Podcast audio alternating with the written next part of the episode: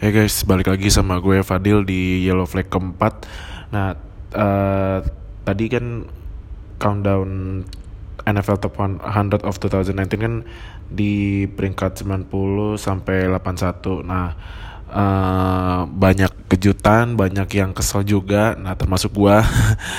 nah, ini gue mau kasih ini ya uh, reaction juga sih, reaction to review, reaction to review ya, review kali ya, review ya, review uh, peringkat 90 81 nah kita mulai dari peringkat 90 ini ini kata fans Patriots uh, pada kesel nih. Cuman katanya nggak apa-apa lah. Nah ini peringkat 90 ada MVP-nya Super Bowl 53 kemarin. Ini Julian Edelman. Julian Edelman peringkat 90 nah kalau menurut gue ya menurut gue Julian Edelman bagus. Cuman kalau misalnya dia kemarin nggak kena hukuman empat pertandingan mungkin pertan uh, peringkatnya lebih tinggi. Nah uh, terus juga kalau kalau kalian lihat di ini stats post season ya stat uh, post season aja bukan regular season itu Julian Edelman peringkat dua di kalau nggak salah di apa ya di receiving yard sama receiving touchdown gue lupa. Di bawahnya Jerry Rice. Jadi um, menurut gue Julian Edelman peringkat 90 buat MVP Super Bowl kurang kurang apa udah terlalu rendah itu. Saya lebih tinggi. Nah selanjutnya. Oh selanjutnya nih uh, teammate-nya cuman di defense. Ini Devin McCourty. Devin McCourty itu safety ya. Safety-nya uh, Patriots. Kalau menurut gue ini dia uh, kalau ya, kalian ketahui dia kan saudaranya Jason McCourty saudara kembarnya. Nah menurut gue Devin McCourty uh, performanya meningkat dibanding musim kemarin. Dan dia juga uh, bisa meningkatin pas defense-nya Patriots. Kalau saya pas defense Patriots musim kemarin lumayan bagus. Nah salah satunya karena ada Devin McCourty. Nah menurut gue Devin McCourty peringkat 89 soalnya di naik lebih naik naik dikit ya. Karena safety musim karena ini ya kalau menurut gue defensive back musim ini stack banget banyak banget yang bagus. Safety ada kayak Eddie Jack Eddie Jackson dan Eddie Jackson dan lain-lain. Nah menurut gue Devin McCourty kemarin bagus cuman ya belum termasuk ke premier safety uh, premier safety. Jadi menurut gue peringkat 89 udah pas atau mungkin naik dikit lah. Nah Next. Nah ini nih, aduh. Aduh, ini gue udah, aduh kemarin TJ Watt, sekarang peringkat 88 Cameron Hayward ya ampun.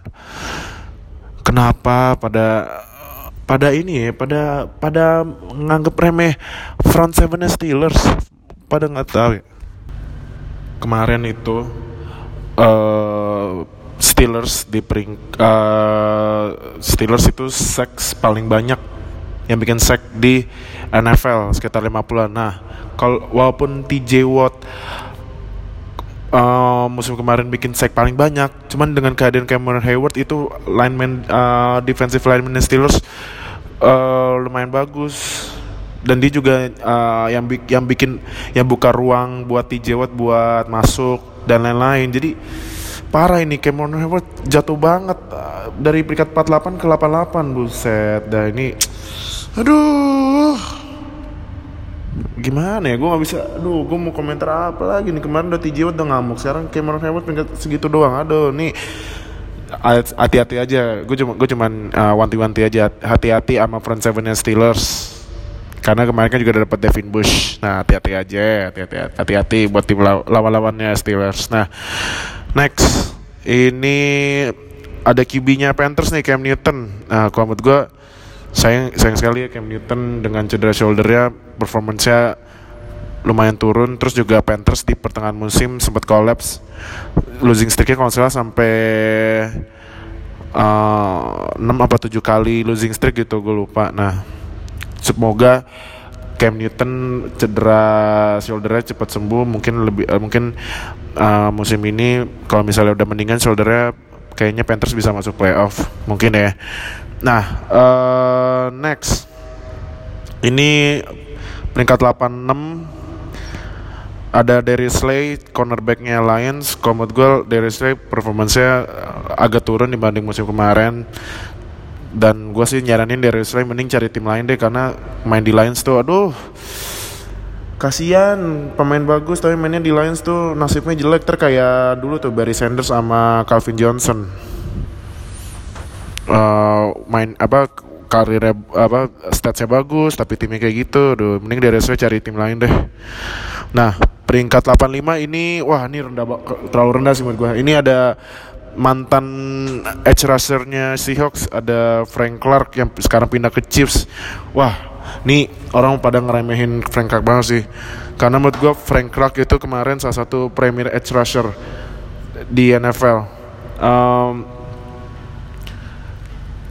uh, mungkin kebanyakan orang lihat Seahawks kan lihatnya cuma Russell Wilson tapi diam-diam tuh Frank Clark bikin seksnya banyak buat Seahawks. Jadi menurut gue Frank Clark peringkat 85 tuh terlalu uh, rendah banget malah kalau bisa kemarin kalau bisa soalnya di top 50 kalau menurut gue Frank Clark.